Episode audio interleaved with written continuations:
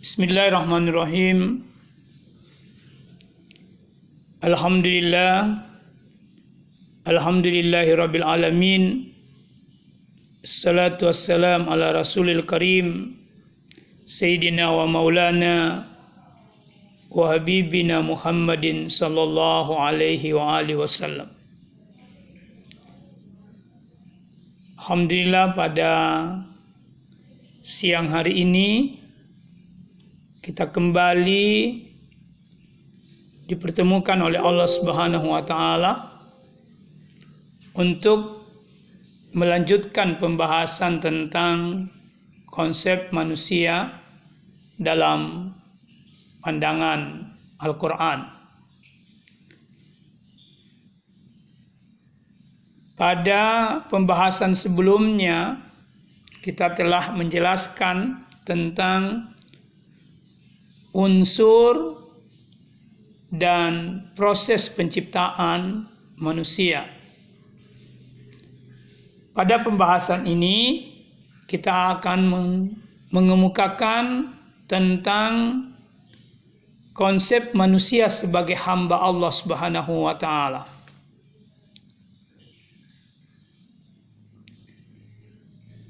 Kata hamba dari sudut bahasa itu mengandung makna pokok kelemahan, kerendahan, juga mengandung makna kekerasan dan kekasaran. Seperti dikemukakan oleh Ibnu Faris dalam bukunya Mu'jam Maqayisul Lughah. Dari makna kelemahan dan kerendahan itu muncul kata abdun yang bermakna yang dimiliki atau mamluk. Kata abdun yang berarti yang dimiliki ini memiliki dua bentuk kata jamak. Yang pertama kata ibadah yang berarti budak-budak atau hamba sahaya. Yang kedua adalah kata yang mengandung makna hamba-hamba Allah Subhanahu wa taala. Dari makna kata hamba-hamba Allah itu muncul makna kata ibadah. Muncul makna kata ibadah yang berarti ketundukan, kepatuhan, ketaatan kepada Allah Subhanahu wa taala. Dengan penuh kerendahan dan kehinaan diri di hadapan Allah Subhanahu wa taala. Dalam kitab Lisanul Arab kata hamba atau kata ibad yang berakar pada huruf ain ba dan dal dikemukakan beberapa makna. Yang pertama, dia berarti budak atau hamba sahaya, lawan dari orang yang merdeka. Kedua, dia bermakna ibadah, yang berarti ketundukan, kepatuhan, dan ketaatan. Yang ketiga, dia bermakna menyembah Allah. Dan yang keempat, bermakna mengikutinya selalu dan tidak berpisah dengannya. Makna kelima adalah apa yang menghalangimu mengunjungiku?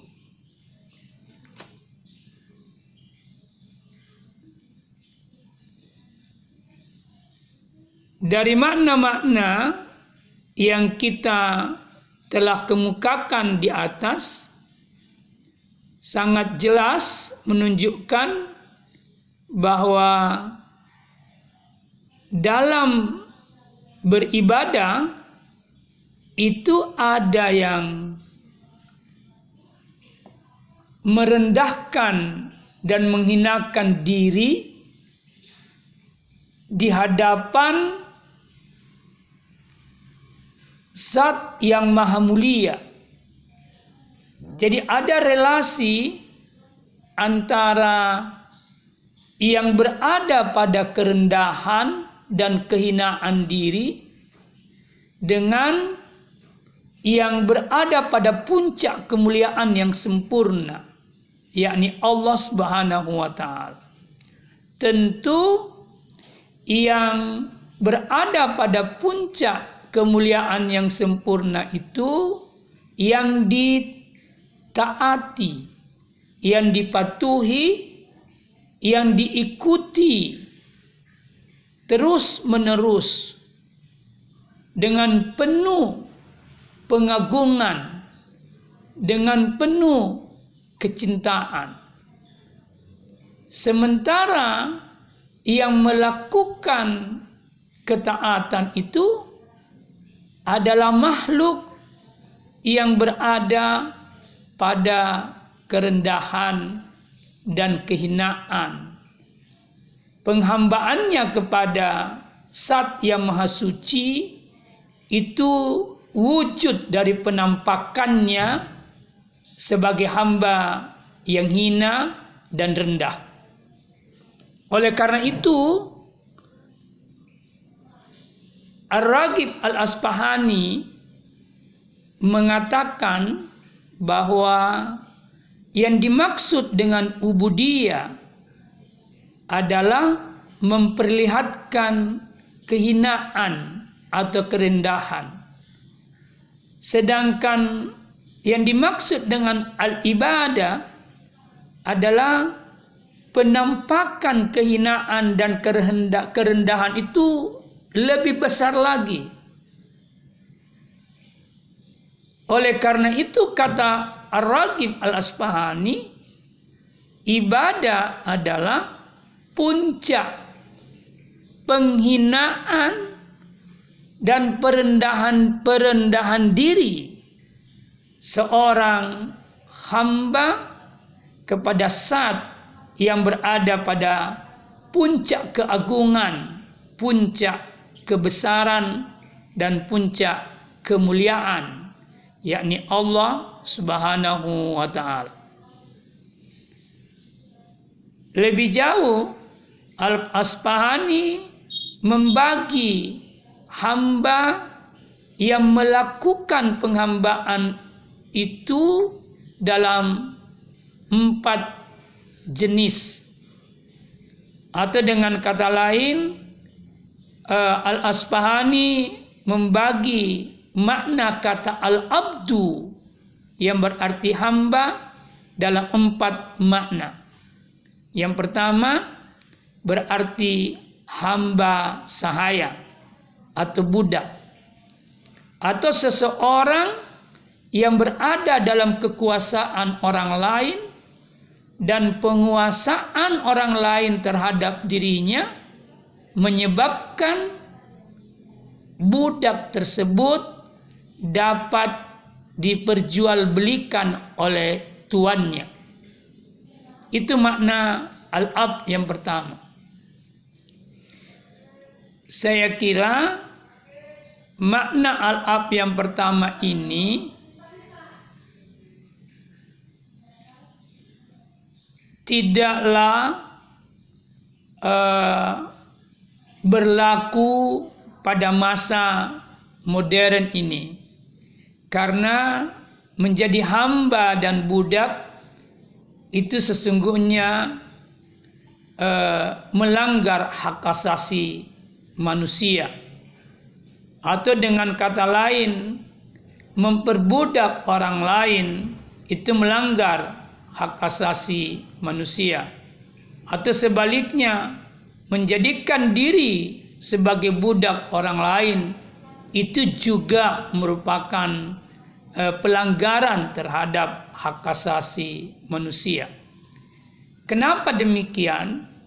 Karena manusia itu tidak pernah hina atau rendah di hadapan makhluk Tuhan yang lain. Termasuk di hadapan manusia yang lain. Manusia adalah makhluk yang paling mulia di sisi Allah Subhanahu wa taala dibanding dengan makhluk-makhluk yang lain. Buktinya manusia itu adalah makhluk yang diberi amanah oleh Allah untuk menjadi khalifah di bumi. Kedudukan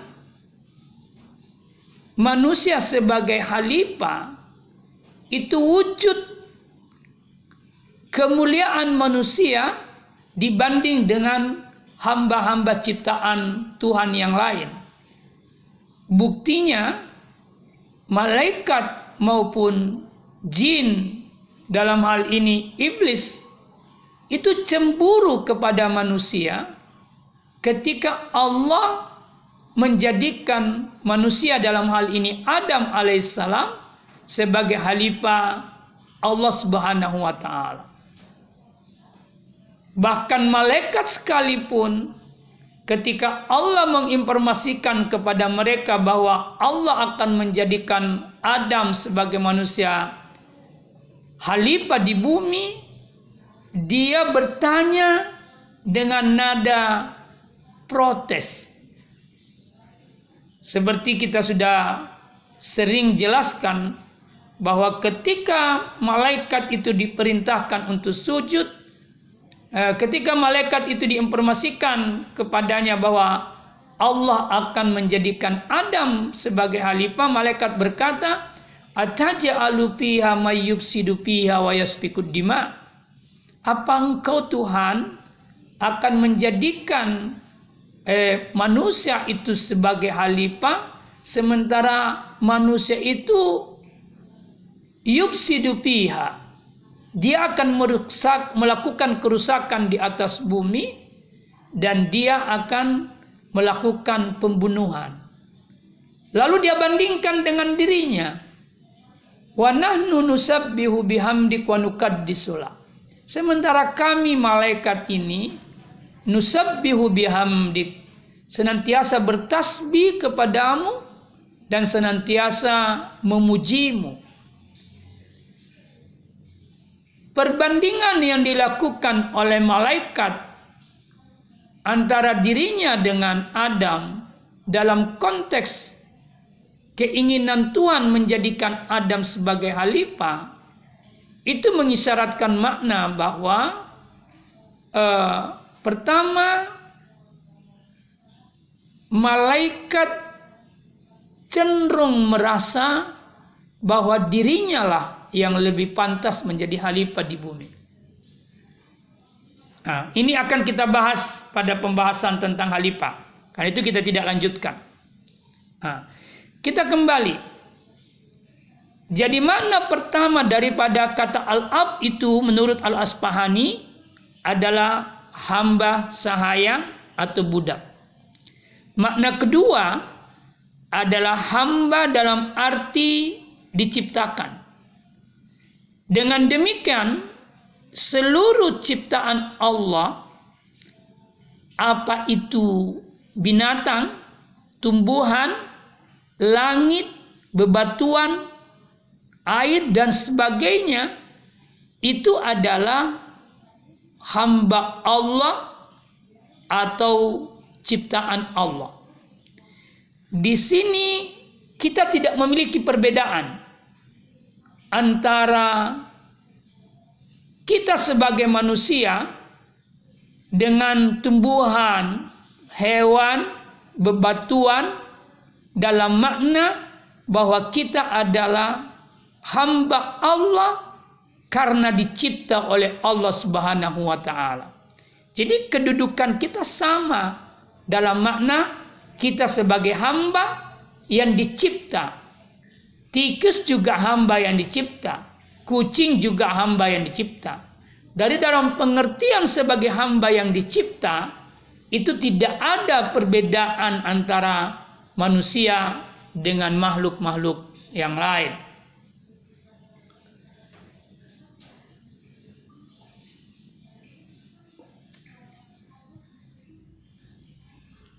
Makna yang ketiga dari hamba menurut Al-Asfahani adalah penyembahan kepada Allah dengan penuh ketundukan dan kerendahan serta cinta dan keikhlasan untuk mendekatkan diri kepada Allah Subhanahu wa taala.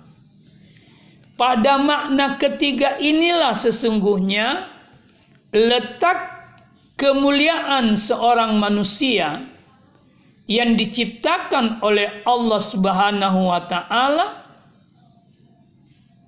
untuk menyembah kepada Allah Subhanahu wa taala. Jadi makna penghambaan yang harus dituju dan harus ditegakkan oleh manusia itu adalah menjadi hamba penyembah Allah dengan penuh ketundukan dan kerendahan serta dengan kesadaran cinta dan keikhlasan dalam rangka mendekatkan diri kepada Allah sehingga bisa mencapai kemuliaan. Di sini yang menjadi kemudian pembeda antara kita dengan makhluk-makhluk Tuhan seperti binatang, tumbuhan, bebatuan, dan sebagainya. Makna keempat dari hamba adalah jenis hamba yang senantiasa memperbudak dirinya kepada dunia. Jadi hamba ini hamba dunia.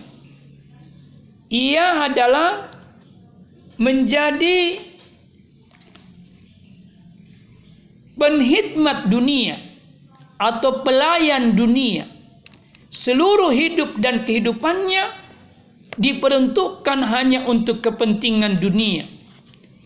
Inilah kualitas manusia terendah atau kualitas hamba terendah. Ada hadis Nabi Shallallahu Alaihi Wasallam yang menggambarkan kualitas manusia atau hamba yang paling rendah ini.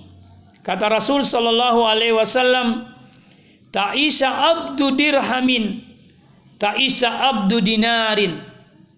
Sungguh binasala hamba dirham, binasala hamba dinar. Artinya apa?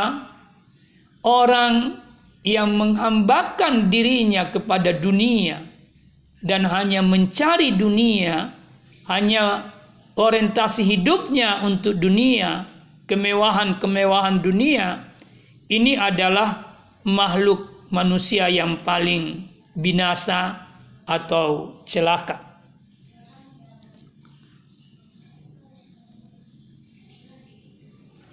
Demikian beberapa makna dari bahasa eh, dari hamba dilihat dari sisi uh, bahasa dan pengertian-pengertian yang dikemukakan oleh para ahli bahasa. Selanjutnya, kita akan melihat dalil Al-Quran yang berbicara tentang kedudukan manusia sebagai hamba. Itu terdapat di dalam surah Az-Zariyat, ya. Surah Az-Zariyat ayat 56. Dalam ayat itu Allah berfirman, "Wa ma halaktul jinna wal insa illa liya'buduni." Aku tidak menciptakan jin dan manusia melainkan supaya mereka menyembahku. Ayat ini oleh sebagian orang atau sebagian asatis gitu ya sering kali memahami bahwa kandungan ayat ini menjelaskan tujuan daripada penciptaan manusia. Pandangan ini tidak salah tapi juga tidak terlalu benar. Ya. Karena itu kita perlu memahami apa sebenarnya makna kata liak buduni yang menjadi klausab atau prase penutup ayat 56 dalam surah Az-Zariyat itu. Imam Ali karamallahu wajha ketika dia menjelaskan apa makna daripada kata liak buduni ia berkata bahwa manusia itu diciptakan diperintahkan untuk beribadah kepada Allah. Jadi makna liyak buduni itu adalah amrun tasri'i atau perintah syariat untuk dia beribadah kepada Allah Subhanahu wa taala. Sementara Ibnu Abbas berkata bahwa makna kata liak buduni itu adalah merupakan amrun takwini. Adalah perintah yang menggambarkan bahwa manusia itu memang diciptakan sebagai hamba atau dengan kata lain dia tercipta sebagai hamba oleh karena itu, dia mesti mengenali Allah sebagai penciptanya. Maka Ibnu Abbas berkata, makna liyak buduni adalah liyak ripuni. Supaya dia mengenalku bahwa aku adalah penciptanya. Dan dia adalah ciptaanku.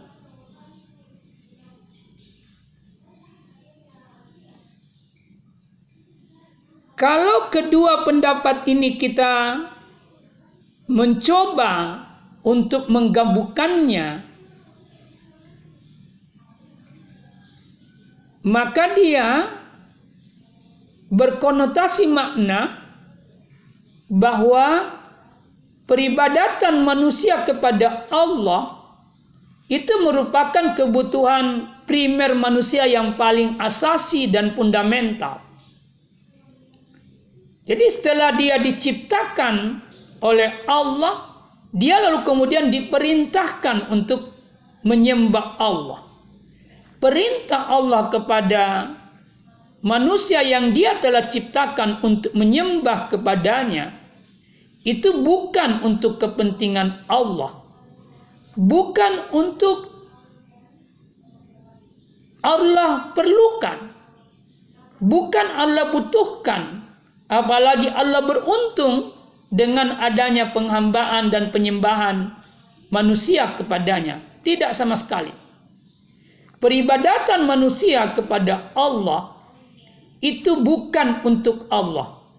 Tetapi peribadatan manusia kepada Allah keuntungannya untuk manusia itu sendiri.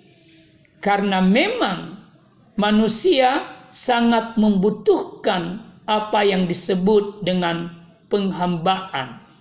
Dia menjadi kebutuhan primer rohania manusia. Dia menjadi kebutuhan fundamental rohania manusia.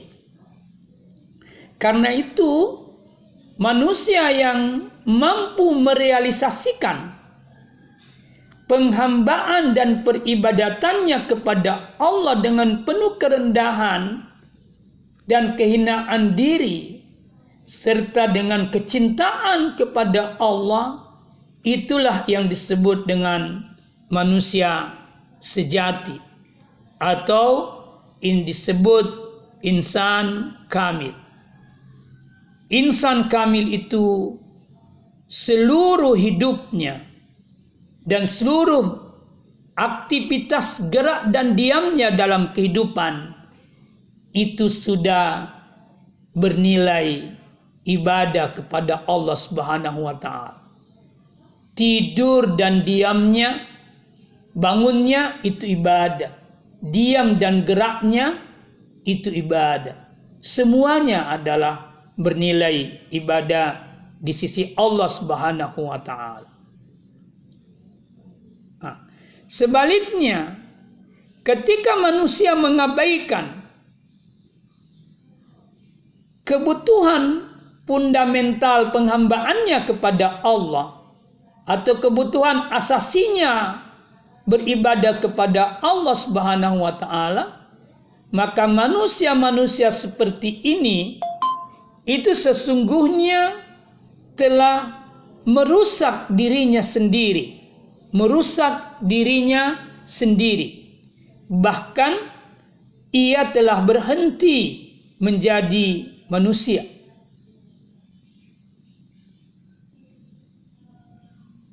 Mengapa dikatakan dia telah berhenti menjadi manusia? Karena dia sudah kehilangan inti kediriannya, esensial substansial kediriannya sebagai manusia tidak terpenuhi.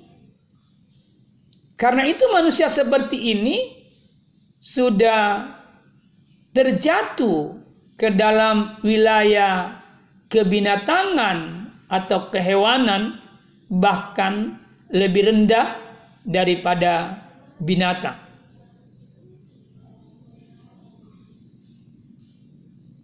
Dalam ayat banyak dijelaskan ya. Misalnya, Auzubillahi minasyaitonirrajim. Ulaika kal an'am bal adal. Mereka itu bagaikan binatang bahkan lebih rendah daripada binatang. Kenapa mereka disebut lebih rendah dari binatang? Al-Quran mengatakan lahum kulubun la yabkahuna biha. Mereka punya hati diberi potensi kal untuk bisa mengenali Allah supaya dia bisa menghambakan diri kepada Allah tetapi layab kahu nabiha tapi hatinya sudah tertutup dan dia tidak gunakan untuk mengenali Tuhan. Lahum a'yunun la yubsiruna biha. Mereka dianugerahi potensi penglihatan untuk bisa memikirkan dan menyadari keagungan kebesaran Allah pada objek apa saja yang dia lihat. Karena sesungguhnya pada setiap objek yang dilihat oleh mata manusia itu sesungguhnya tergambar tanda-tanda kebesaran Allah Subhanahu wa taala. Tapi orang yang sudah terjatuh dalam wilayah kehewanan dan kebinatangan tak mampu lagi melihat keagungan dan kebesaran Tuhan dalam setiap apa yang dia lihat. Mata hatinya sudah buta. Dia punya telinga, lahum uzunun la yasma'una biha. Tapi tidak digunakan untuk mendengarkan dengan seksama mencermati ayat-ayat Tuhan yang dia dengar. Apa pun bentuk ayat-ayat Tuhan itu, termasuk ayat-ayat Al-Quran.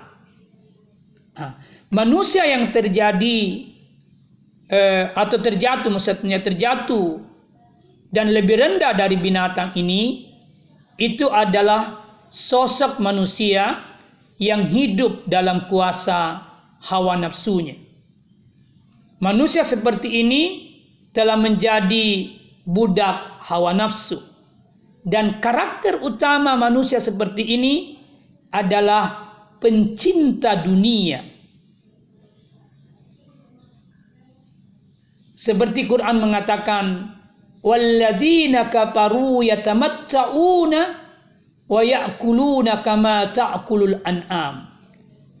Orang-orang kafir itu yakni orang-orang yang tidak melakukan pengribadatan kepada Allah dan tidak memenuhi kebutuhan penghambaannya kepada Allah ya tamatta'una itu tenggelam dalam gerakan menikmati dunia wa ya'kuluna dan mereka makan kama ta'kulul an'am sebagaimana binatang-binatang ternak itu makan.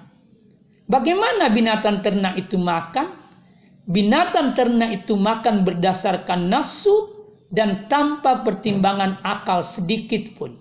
Karena memang binatang tidak dianugerahi akal oleh Allah, dia hanya dianugerahi nafsu. Jadi kalau binatang itu memakan atau memenuhi kebutuhannya sebagai binatang berdasarkan nafsunya itu tidak salah. Tetapi manusia yang dianugerahi akal di satu sisi dan dianugerahi nafsu di satu sisi. Dan anugerah akal itu dimaksudkan untuk mengikat nafsu supaya dia tidak liar ya. Ketika dia akal ini tidak mampu mengikat nafsunya maka di situlah dia menjadi lebih rendah dan lebih hina dibanding binatang karena akalnya disfungsi untuk mengikat nafsunya. Sehingga nafsulah yang menguasai dirinya. Maka dia makan berdasarkan nafsu hidup berdasarkan nafsu minum berdasarkan nafsu seksual reproduksi hanya semata-mata berdasarkan nafsu semua gerak hidup dan kehidupannya itu berdasarkan nafsu. Akhirnya orang seperti ini itu menjadi budak dunia Manusia seperti ini itulah manusia yang paling merugi. Manusia seperti ini telah mengalami apa yang disebut dengan musibah teragung, musibah terbesar, yakni kematian kemanusiaannya dan kematian fungsi penghambaannya kepada Allah sebagai sebagai inti daripada kemanusiaan itu sendiri. Ya.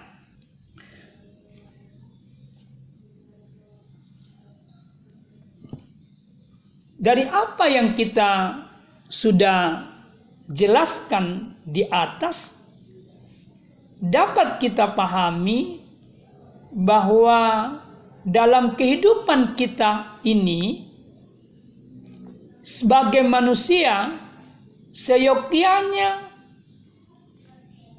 lebih fokus untuk melakukan gerakan pengenalan kepada Allah Subhanahu wa taala. Pengenalan kita kepada Allah itu akan mengantar kita kemudian mampu untuk memenuhi kebutuhan primer rohania kita yakni penghambaan kepada Allah Subhanahu wa taala. Muncul pertanyaan, lalu bagaimana cara kita mengenali Allah? Jawaban atas pertanyaan ini itu dijelaskan dalam sebuah riwayat yang disandarkan kepada Imam Ali yang berkata Man arafa nafsahu faqad arafa rabbahu. Barang siapa yang mengenali dirinya sebagai manusia ciptaan cipt, manusia ciptaan atau manusia sebagai makhluk maka arafa rabbahu maka dia akan mengenali di Tuhannya sebagai penciptanya. Jadi kita artinya pernyataan ini sebenarnya memberikan makna isari kepada kita bahwa kita sebagai manusia itu harus selalu menyadari bahwa kita ini hamba ciptaan. Ciptaannya siapa? Ciptaannya Allah. Dan tidak ada pencipta selain Allah seperti kita jelaskan dalam kata makna Rab sebelumnya. Nah, dari ketika kita sadari bahwa kita ini ciptaan dan Allah sebagai pencipta, kita ini berada pada posisi kerendahan dan kehinaan dan Allah berada pada posisi kemuliaan dan keagungan maka kalau kesadaran ini kita miliki maka kita mendekatkan diri kepada Allah untuk mencapai kemuliaan di sisi Allah lewat peribadatan dan penghambaan.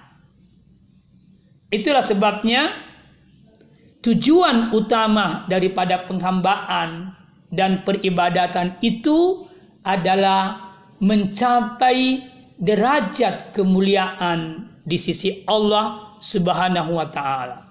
Seperti yang terkandung di dalam firman Allah surah Al-Baqarah ayat 21. Allah berfirman di dalam ayat itu, A'udzubillahi minasyaitonirrajim. Bismillahirrahmanirrahim. Ya ayyuhan nas, wahai manusia. Jadi yang diseru di sini seluruh manusia. U'budu rabbakum. Sembahlah Tuhanmu. Nah, jadi kalimat u'budu rabbakum itu ditujukan kepada seluruh manusia. Kalimat ini kembali menegaskan bahwa Allah yang menciptakan manusia itu memerintahkan manusia sebagai ciptaan untuk menyembah dirinya sebagai Rob yang menciptakan. Alladhi halakakum. Rob yang menciptakan kamu. Walladina min kablikum. Dan menciptakan orang-orang sebelum kamu. Artinya apa? seluruh manusia yang diciptakan oleh Allah baik kita dan orang-orang sebelum kita dan orang-orang setelah kita itu diperintahkan oleh Allah untuk melakukan gerakan penghambaan diri kepada Allah semata tidak kepada selain Allah tidak kepada selain Allah penghambaan diri itu hanya untuk Allah semata bukan kepada selain Allah. Pertanyaannya, mengapa hanya Allah yang harus disembah? Karena hanya Allah yang mampu melakukan sesuatu terhadap kita dan selain sesuatu yang terhadap kita itu misalnya hanya Allah yang mampu menciptakan kita. Selain kita tidak mampu menciptakan kita atau selain Allah tidak mampu menciptakan kita. Selain Allah ya ini makhluk tidak bisa menciptakan makhluk. Hanya Allah yang bisa menciptakan makhluk. Makhluk sebagai ciptaan tidak mungkin mampu menciptakan makhluk-makhluk yang lain. Kedua, Allah sebagai pencipta, dia pula lah yang memiliki kita. Maka itu kata hamba abdun itu juga bermakna sesuatu yang dimiliki, yang dikuasai. Seperti kita jelaskan di awal bahwa budak itu disebut hamba karena dia dikuasai oleh tuangnya dengan kekuasaan yang di mana hamba atau budak saya itu sama sekali tidak punya keinginan Semuanya hanya mengikuti keinginan tuannya. Nah, Allah juga sebagai Rab yang memberikan pemeliharaan kepada kita. Ia memberikan pengaturan kepada kita. Ia memberikan uh, kebajikan kepada kita. Selain Allah tidak mampu melakukan semua itu. Karena itu memang karena hanya Allah yang mampu melakukan semua itu, maka dialah yang pantas disembah. Selain Allah itu tidak pantas disembah.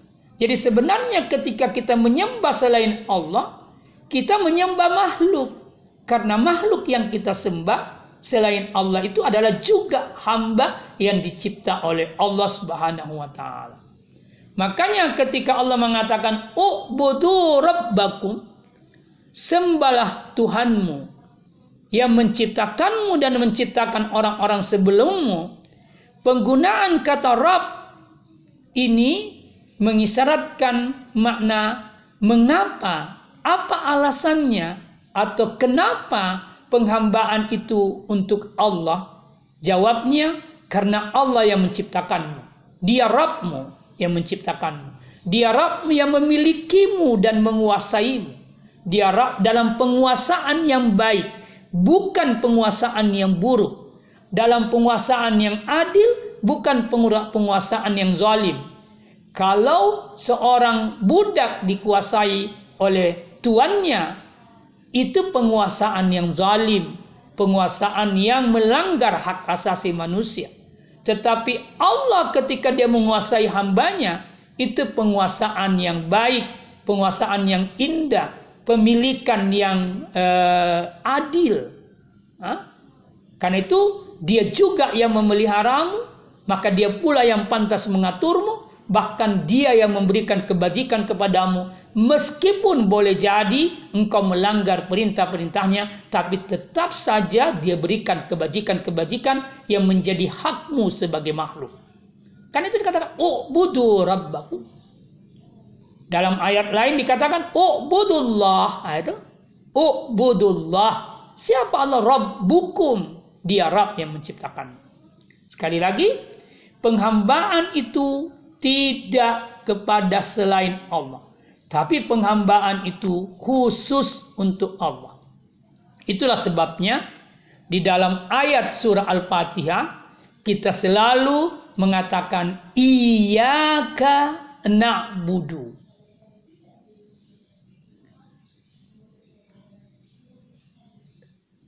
Kalau struktur bahasa Arab yang lazim itu seharusnya disebut na'budu iyaka. Atau kata iyaka itu seharusnya diletakkan setelah kata na'budu. Karena kata iyaka itu adalah eh, objek atau dalam bahasa Arab disebut maf'ulun bi dari kata na'budu. Tetapi dalam konteks struktur ayat surah Al-Fatihah itu kata iyaka didahulukan. Iyaka na'budu. Kepadamu kami menyembah. Didahulukannya kata iyaka dalam konteks ayat surah Al-Fatihah itu berkonotasi makna bahwa penyembahan dan peribadatan itu hanya khusus untuk Allah bukan selain Allah. Bukan selain Allah. Ah.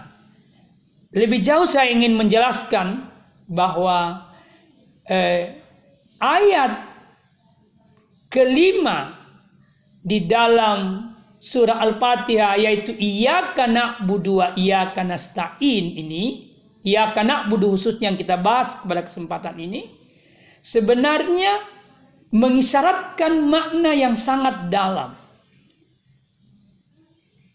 atau mengisyaratkan prinsip hidup yang sangat dalam. Prinsip apa itu? Yakni prinsip hidup untuk menjadikan atau membuka hidup dan kehidupan kita atau membangun hidup kehidupan kita dalam rangka pengibadatan kepada Allah Subhanahu wa taala. Dari mana ini kita bisa pahami? Eh, saya memahami ini dengan cara berpikir seperti ini. Al-Quran itu adalah kitab kehidupan. Al-Quran itu adalah kitab kehidupan. Dan Al-Quran sebagai kitab kehidupan itu ternyata dibuka dengan tujuh ayat dalam surah Al-Fatihah. Dan ditutup dengan surah enam ayat dalam surah An-Nas. Ah, surah tujuh ayat yang merupakan surah pertama Al-Quran itu juga dinamai dengan surah Al-Fatihah. Artinya pembuka. Jadi Kalau makna Al-Fatihah yang berarti pembuka yang terdiri dari tujuh ayat ini dikaitkan dengan Al-Quran sebagai kitab kehidupan, maka itu mengisyaratkan makna bahwa bukalah kehidupanmu. Nah itu. Bukalah kitab kehidupanmu. Bukalah hidup dan kehidupanmu dengan tujuh kandungan ayat di dalam surah Al-Fatihah. Salah satu kandungan ayat di dalam surah Al-Fatihah itu Iyaka na'budu. Kepadamu kehususan penyembahan itu kami lakukan. Ini mengisyaratkan suatu prinsip kehidupan bahwa kehidupan yang mulia adalah kehidupan yang dibuka dan dibangun dengan perhambaan kepada Allah Subhanahu wa taala. Nah itu. Nah, kita kembali kepada pertanyaan tadi. Apa sebenarnya tujuan daripada penghambaan yang kita lakukan?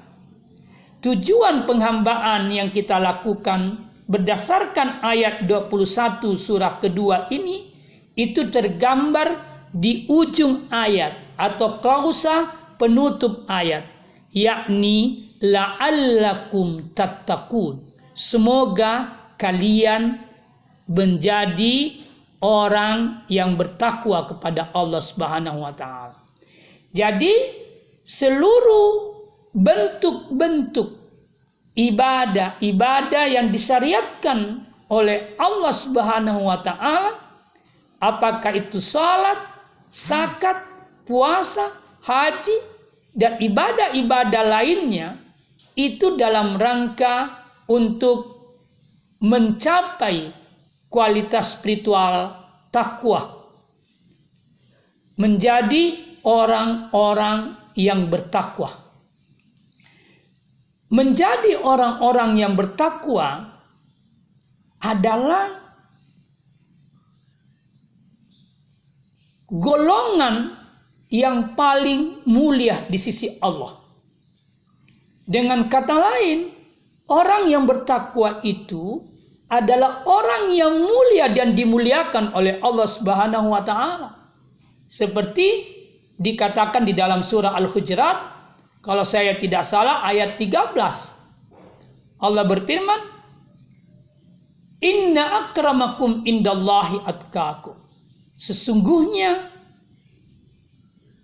akramakum yang paling mulia di sisi Allah adalah yang paling bertakwa kepada Allah Subhanahu wa taala.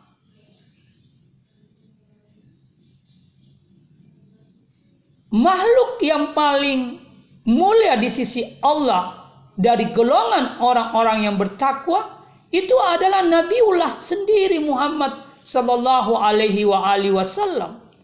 Karena itu kita ini sebagai manusia umat Muhammad kalau mau mendapatkan derajat ketakwaan di sisi Allah sebagai derajat kemuliaan itu mesti kita mengikuti Nabiullah Muhammad sallallahu alaihi wasallam.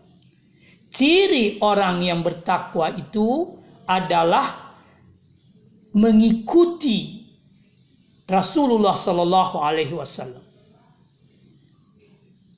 Di dalam Al-Quran disebutkan, Ma'atakum min rasul pahusuhu. Apa yang datang dari Nabi, ambil, tegakkan, lakukan, laksanakan. Wa manahakum anhu pantahu. Apa yang dia larang, tinggalkan, jauhi.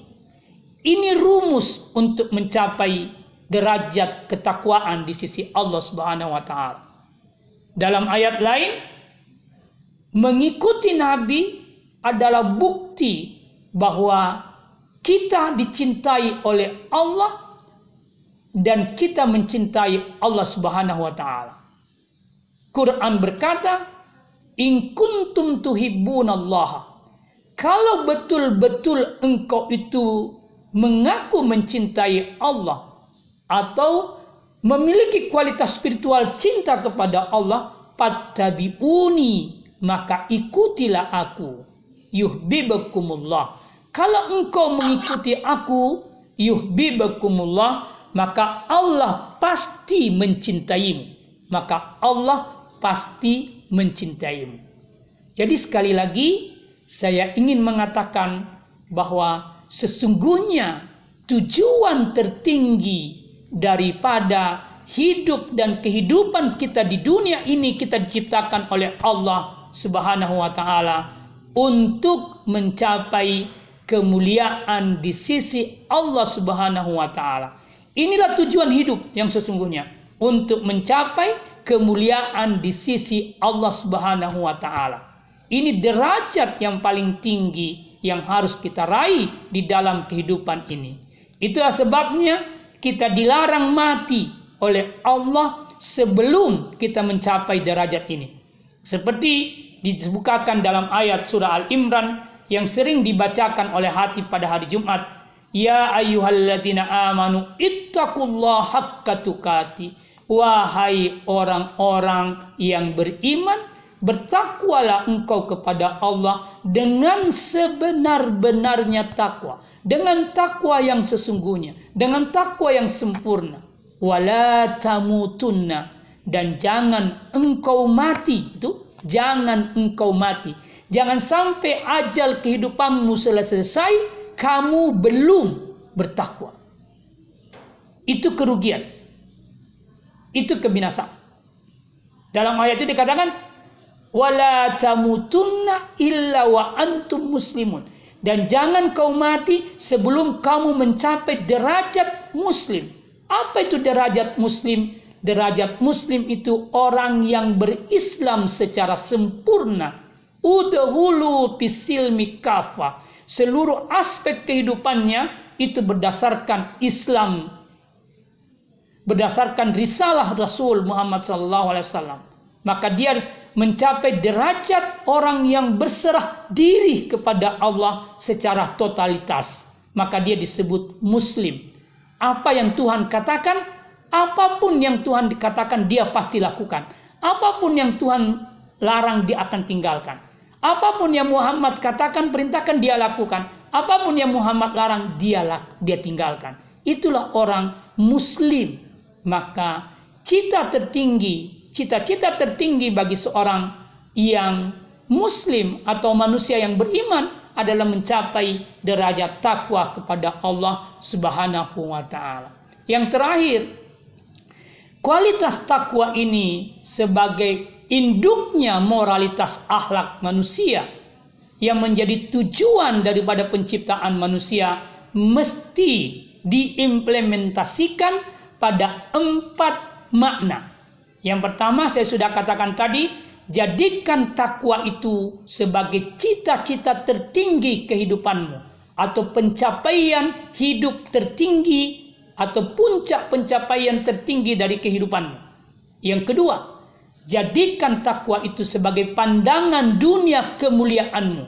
Seperti disebutkan dalam ayat yang saya katakan tadi, inna akramakum indallahi atkakum.